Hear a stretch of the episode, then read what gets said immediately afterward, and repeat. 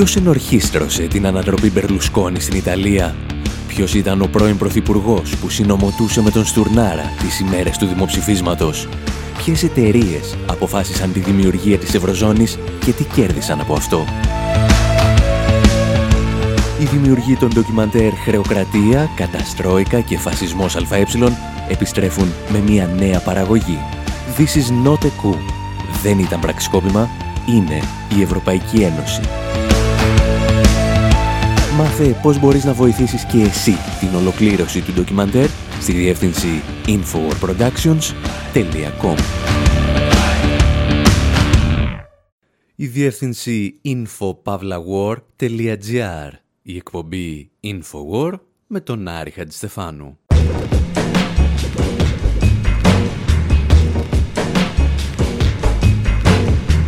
Όπου σήμερα μιλάμε για σκληρές και μαλακές ταινίες που ασχολούνται με τα ναρκωτικά. Παρακολουθούμε detective εθισμένους στην κοκαίνη να κοροϊδεύουν τον Sherlock Holmes και περνάμε από τον σημαδεμένο του Ronald Reagan στο train spotting της μεταθατσερικής Βρετανίας. Αναμειγνύουμε ισχυρές δόσεις από ιστορίες με τον Thomas Edison και το Breaking Bad και αναρωτιόμαστε εάν είναι πιο εύκολο να παρασκευάσεις μεθαμφεταμίνες ή να πετάξεις μια πίτσα στην ταράτσα του σπιτιού σου. Επιχειρούμε δηλαδή να φέρουμε σε ραδιοφωνική μορφή μερικές σκέψεις που μοιραστήκαμε στην πρόσφατη ημερίδα που διοργάνωσε η Μονάδα Απεξάρτησης 18 Άνω και το Σωματείο Εργαζομένων στα Κέντρα Πρόληψης. Εν τέλει, θέτουμε το ερώτημα εάν ο κινηματογράφος επηρεάζει τη χρήση ναρκωτικών ουσιών; Και καταλήγουμε ότι αυτό δεν είναι το σωστό ερώτημα.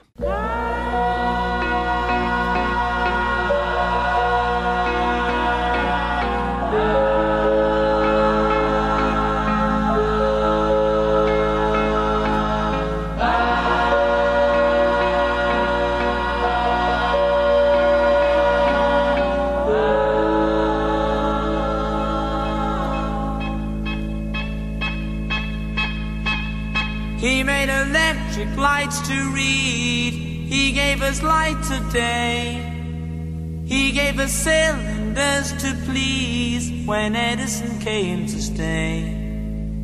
Edison came to stay. Edison set the world on fire. He really made the day. Station to station, many wires. Edison came to stay. Edison came to stay. Oh. Oh look at us now. We still got a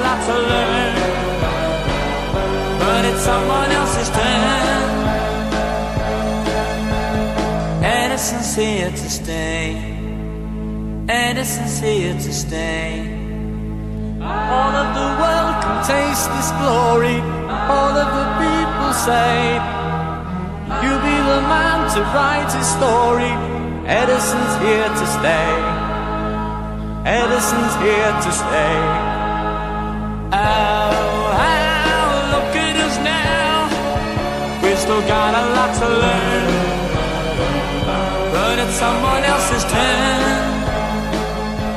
Τα παιδιά που ακούτε είναι οι Bee Gees στο εκπαιδευτικό τους πρόγραμμα. Τραγουδούν για τις επιστημονικές ανακαλύψεις του Thomas Edison. Και αν μας ρωτήσετε γιατί το κάνουν, θα σας πούμε ότι μας ξεπερνά και εμάς. Ίσως για τους ίδιους λόγους για τους οποίους οι Bonnie M ασχολούνταν με τον Ρασπούτιν και την Μπαμ Baker. Ladies and gentlemen, those of us who began our labors at the operator's key 50 years ago have been permitted to see ο Τόμας Έντισον πάντως, τον οποίο ακούμε εδώ σε μια σπάνια ηχογράφηση, εκτός από τους λαμπτήρες, τον ηλεκτρισμό και όλα τα σχετικά, μας άφησε και δύο λιγότερο ευχάριστες ανακαλύψεις. Η πρώτη είναι η ηλεκτρική καρέκλα, η οποία, αν θυμάστε, είναι το προϊόν μιας τιτανομαχίας για την επικράτηση στην αγορά της ηλεκτρικής ενέργειας. Ο Τόμας Έντισον προωθούσε τότε το συνεχές ρεύμα απέναντι στο εναλλασσόμενο του George Westinghouse Προκειμένου να πείσει την κοινή γνώμη ότι το ρεύμα του αντιπάλου του ήταν επικίνδυνο για το μέσο νοικοκυριό, ο Έντισον άρχισε να κεραυνοβολεί ζώα, μεταξύ αυτών και έναν ελέφαντα. Και τα κεραυνοβολούσε φυσικά με εναλλασσόμενο ρεύμα. Η δεύτερη πρωτοποριακή κίνηση του Έντισον ήταν ότι γύρισε την πρώτη ταινία, στην οποία δύο Κινέζοι κάνουν χρήση ναρκωτικών ουσιών και συγκεκριμένα οπίου. Και όλα αυτά το 1894. Την εποχή εκείνη στις Ηνωμένες Πολιτείες το νομικό πλαίσιο για τα ναρκωτικά ήταν σχεδόν ανύπαρκτο και ο καθένας μπορούσε να κάνει ό,τι ήθελε.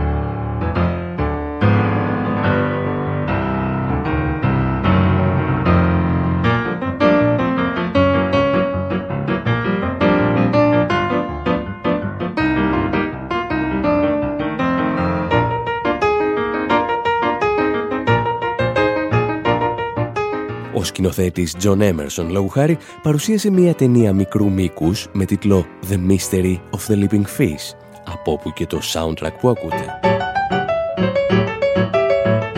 Ο πρωταγωνιστής της ταινίας κάνει ενδοφλέβια χρήση κοκαίνης από την αρχή μέχρι το τέλος. Σατυρίζοντας τον οποίο μανή Sherlock Holmes, ο detective αναζητά ένα δίκτυο λαθρεμπόρων οποίου, αλλά καταλήγει να καταναλώσει μόνος του ολόκληρο το βαπόρι από την Κίνα. Και όπως υποψιάζεστε, το πρόβλημα για τις αστυνομικές αρχές της εποχής δεν ήταν ότι οι Κινέζοι εισήγαγαν όπιο, αλλά μάλλον ότι δεν πλήρωναν δασμούς και φόρους. Συμπτωματικά, η νομοθεσία για τον έλεγχο της εμπορίας και χρήσης ναρκωτικών παρουσιάζεται στις Ηνωμένες Πολιτείες την ίδια χρονιά με την ταινία, το 1916 θα χρειαστούν όμως άλλα 15 χρόνια έως ότου αρχίσει να επηρεάζει και τις παραγωγές του Hollywood. Από τη δεκαετία του 30 η Αμερικανική βιομηχανία του θεάματος δέχεται σαφείς εντολές να χτυπήσει τη χρήση ναρκωτικών και το κάνει με τόση γελιότητα που μάλλον φέρνει το αντίθετο αποτέλεσμα. Ταινία Reefer Madness είναι ίσως το απόγειο της φτηνής προπαγάνδας της εποχής και το τρέιλερ της ταινίας τα λέει όλα. These high school boys and girls are having a hop at the local soda fountain. Αυτοί οι μαθητές και μαθήτε γυμνασίου διασκεδάζουν στο τοπικό αναψυκτήριο. Χορεύουν αμέριμνοι. Αμέριμνοι για μια νέα συνήθεια που κρύβεται πίσω από κλειστές πόρτες. Μαριχουάνα, το φυτό που φυτρώνει στην κόλαση. Σε αυτή την ταινία θα δείτε πόσο εύκολα μπορεί να το φυτέψει ο γείτονα στην αυλή του ή να την κρύψει σε ένα αθώο παπούτσι. Θα γνωρίσετε τον Μπιλ που κατρακυλά στην υποδούλωση. Για μερικά λεπτά ευχαρίστησης πληρώνουν τρομακτικό κόστος. Βία, δολοφονίες, αυτοκτονίες και το αναπόδραστο τέλος κάθε χρήση μαριχουάνας. Ολοκληρωτική παράνοια. Δείτε τώρα αυτή τη σημαντική ταινία πριν να είναι πολύ αργά.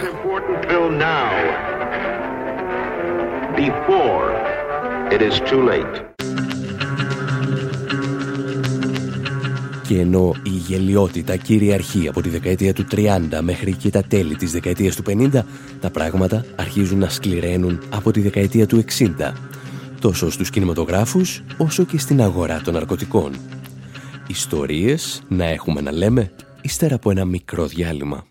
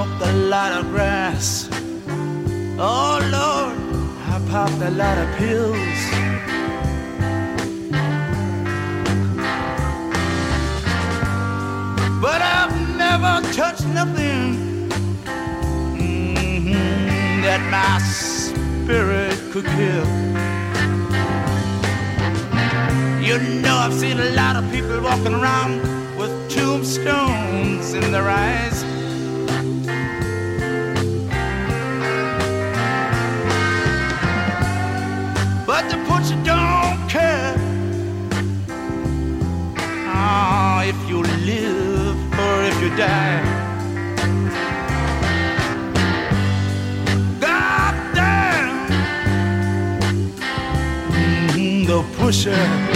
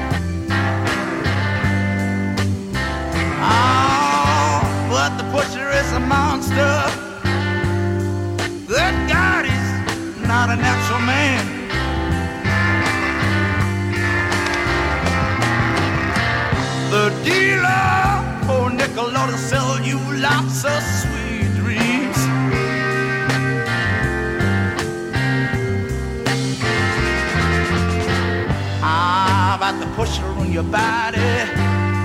Love, it'll leave your, it'll leave your mind to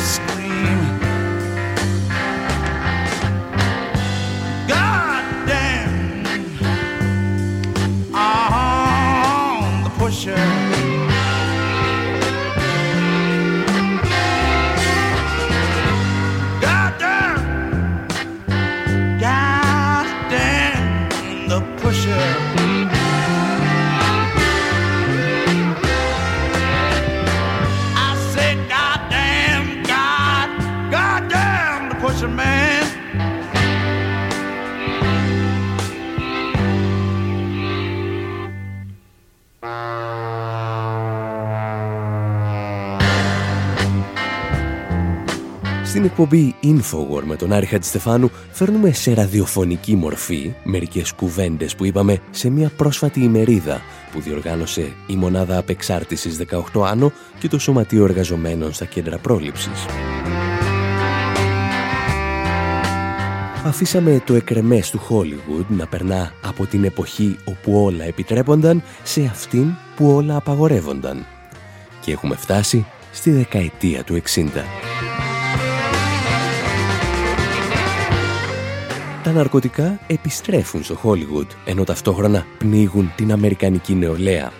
Είτε αυτούς που πολεμούν στο Βιετνάμ και πρέπει να είναι πυθύνοι, είτε αυτούς που εξεγείρονται για τον πόλεμο του Βιετνάμ και πρέπει να γίνουν πυθύνοι. Sling, you know I declare total war on the pusher man. Το συγκρότημα Steppenwolf πάλι, το οποίο ακούμε εδώ από το soundtrack της ταινίας Easy Rider, καταργέται από τα βάθη της ψυχής του τον έμπορο ναρκωτικών που καταστρέφει, λέει, το σώμα σου και κάνει το μυαλό σου να ουρλιάζει. Oh, the pusher. Κι αν ήμουν πρόεδρος σε αυτή τη χώρα, συνεχίζουν οι Steppenwolf, θα κήρυτα τον πόλεμο στον έμπορο. Θα τον μαχαίρωνα άμα στεκόταν και θα τον πυροβολούσα άμα έτρεχε. Θα τον σκότωνα με τη βίβλο μου, με το ξηράφι μου και με το όπλο μου. I said, God damn, God damn the pusher man. Η Αμερική πάντως θα χρειαστεί άλλα 20 χρόνια για να γνωρίσει έναν πρόεδρο ο οποίος υπόσχεται να κάνει όλα αυτά. Να εξοντώσει δηλαδή τους εμπόρους όπλων με τη βίβλο και το ξηράφι. Σχεδόν όπως αντιμετωπίζουν το πρόβλημα και στη Σαουδική Αραβία, με το Κοράνι και τη Χατζάρα. Στις Ηνωμένες Πολιτείες πάντως, τον πρόεδρο αυτόν τον έλεγαν Ρόναλτ Ρίγκαν και ήταν γελαδάρης παλαιάς σκοπής. Oh, Mother Reagan and her crew took away from me and you. I'm she go far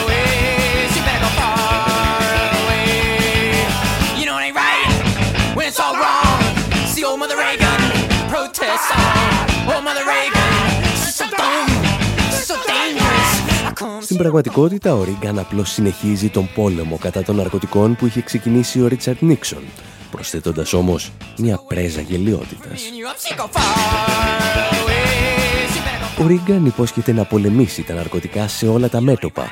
Αλλά όταν λέει όλα τα μέτωπα, δεν εννοεί ακριβώς όλα τα μέτωπα. Όπως θα δούμε, το μέτωπο της ζήτησης ναρκωτικών στο εσωτερικό των ΗΠΑ παραμένει σχεδόν ανέπαφο. Αντίθετα, το μέτωπο της προσφοράς, που προέρχεται από τη Νότια Αμερική, δίνει την ευκαιρία στον Αμερικανό πρόεδρο να εξαπολύσει μερικές ακόμη επιθέσεις στην πίσω αυλή των Ηνωμένων Πολιτειών. Από τον Νίξον μέχρι τον Ομπάμα, κάθε χτύπημα εναντίον των ναρκωτικών συμπτωματικά συνδέεται στο εξής και με την επίτευξη κάποιου γεωπολιτικού στόχου. Στον Παναμά δικαιολογούν την εισβολή λέγοντας ότι αναζητούν τον πρόεδρο της χώρας Μανουέλ Νοριέγκα, ο οποίος κατηγορείται για εμπόριο ναρκωτικών. Παράλληλα όμως ελέγχουν και τη διόρυγα του Παναμά. Στην Κολομβία εξοπλίζουν παρακρατικά τάγματα θανάτου με πρόσχημα τον έλεγχο της παραγωγής κοκαίνης. Συμπτωματικά πάλι αυτές οι δυνάμεις επιτίθενται στους πάλε ποτέ μαρξιστές αντάρτες της οργάνωσης ΦΑΡΚ. Και τι πέτυχαν οι Ηνωμένες Πολιτείες με τον λεγόμενο πόλεμο κατά των ναρκωτικών όλα αυτά τα χρόνια; Τα εξηγούσε παλαιότερα το Αλτζαζίρα. Annually, the U.S. spends more than $51 billion on the war on drugs. And in 2013, arrested one and a half... Κάθε χρόνο οι Ηνωμένες Πολιτείες δαπανούν τουλάχιστον 51 δισεκατομμύρια δολάρια για τον πόλεμο κατά των ναρκωτικών. Το 2013 συνέλαβαν 1.900.000 ανθρώπους για μη βία αδικήματα που σχετίζονται με ναρκωτικά. Σύμφωνα με ορισμένους υπολογισμούς, η Ομοσπονδιακή Κυβέρνηση Αμερικής έχει δαπανίσει πάνω από ένα τρισεκατομμύριο δολάρια στον πόλεμο των ναρκωτικών.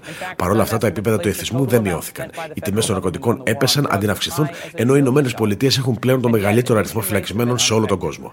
Ακόμα και η CIA έχει μπλακεί στο εμπόριο παράνομων ουσιών. Εάν η κυβέρνησή μας παραβιάζει την νομοθεσία παράνομων ουσιών, γιατί περιμένουν να το κάνουμε εμείς; If our own government can't avoid violating drug laws, how can we be expected to?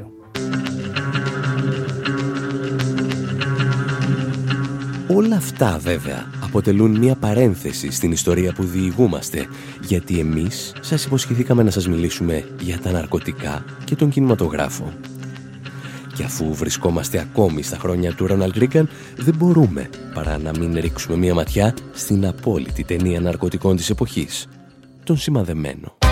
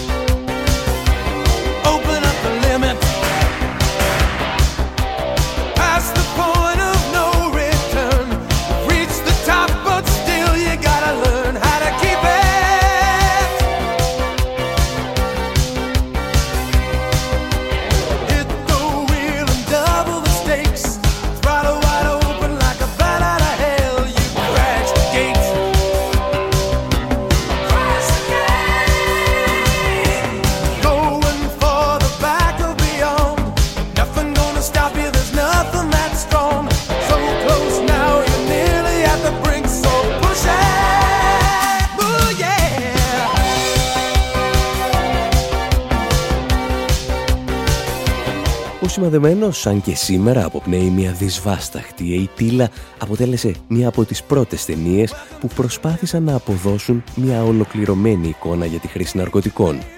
Έστω και από την πλευρά ενός βαρόνου της κοκαίνης. Χρήστης και ο ίδιος, ο Αλπατσίνο περνά από την περίοδο της δόξας και της λάμψης στην απόλυτη παρακμή το Hollywood μέσα στην απλουστευτικότητά του και τον βερμπαλισμό που το διακρίνει φαίνεται να έχει ισορροπήσει για πρώτη φορά τουλάχιστον σε ό,τι αφορά τις καταστροφικές συνέπειες των ναρκωτικών. Έκτοτε, επιστήμονες αναφέρουν ότι μόνο μία τέτοια πλήρης περιγραφή του φαινομένου μπορεί να λειτουργήσει ευεργετικά για την αντιμετώπιση του προβλήματος. Αν ηρωοποιήσεις τη χρήση ναρκωτικών, είσαι επικίνδυνος αν περιγράφεις όμως μόνο τις καταστροφικές συνέπειες, δεν γίνεσαι ποτέ πιστικός. Θα θα δούμε αρκετά ακόμη παραδείγματα στο δεύτερο μέρος της εκπομπής, ταξιδεύοντας από τη Βρετανία του Trainspotting στην Αμερική του Requiem for a Dream. Και ύστερα θα κάνουμε μια μικρή στάση και στο Breaking Bad. Μέχρι τότε, εσείς το μόνο που έχετε να συγκρατήσετε είναι πως μας βρίσκετε κάθε ημέρα στη διεύθυνση infopavlagor.gr με ιστορίες για να ακούσετε, να δείτε και να διαβάσετε.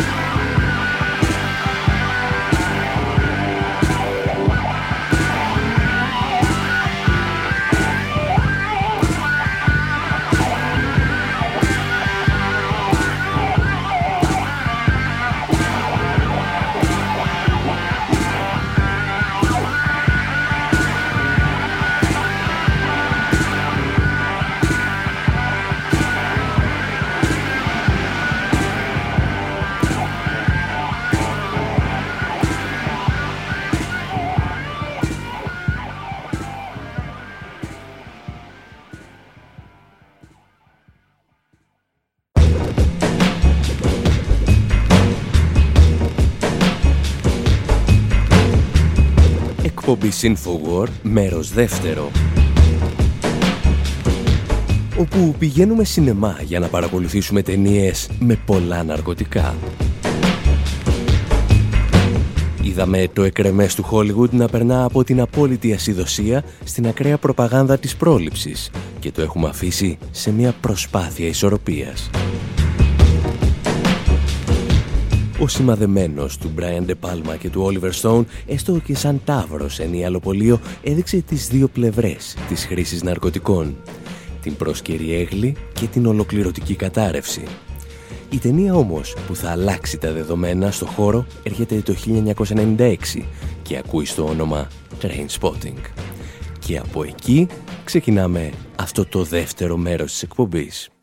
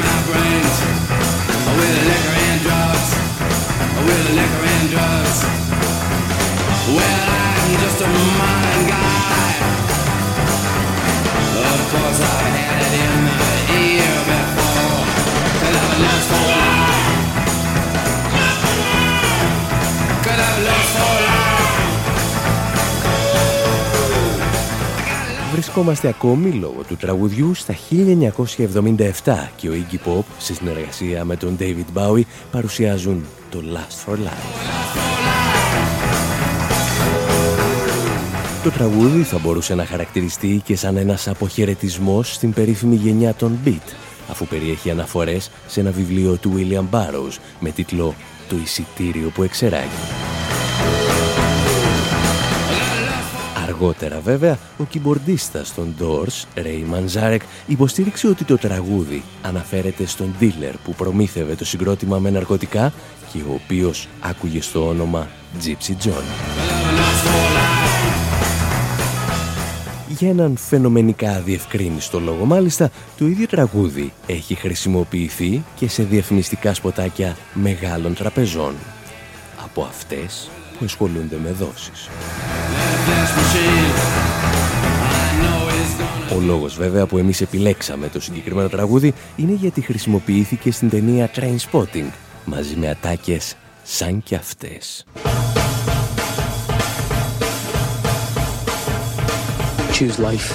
Choose a job. Choose a career. Choose a family. Choose a fucking big television. Choose washing machines, cars, compact displays, and electrical tin openers.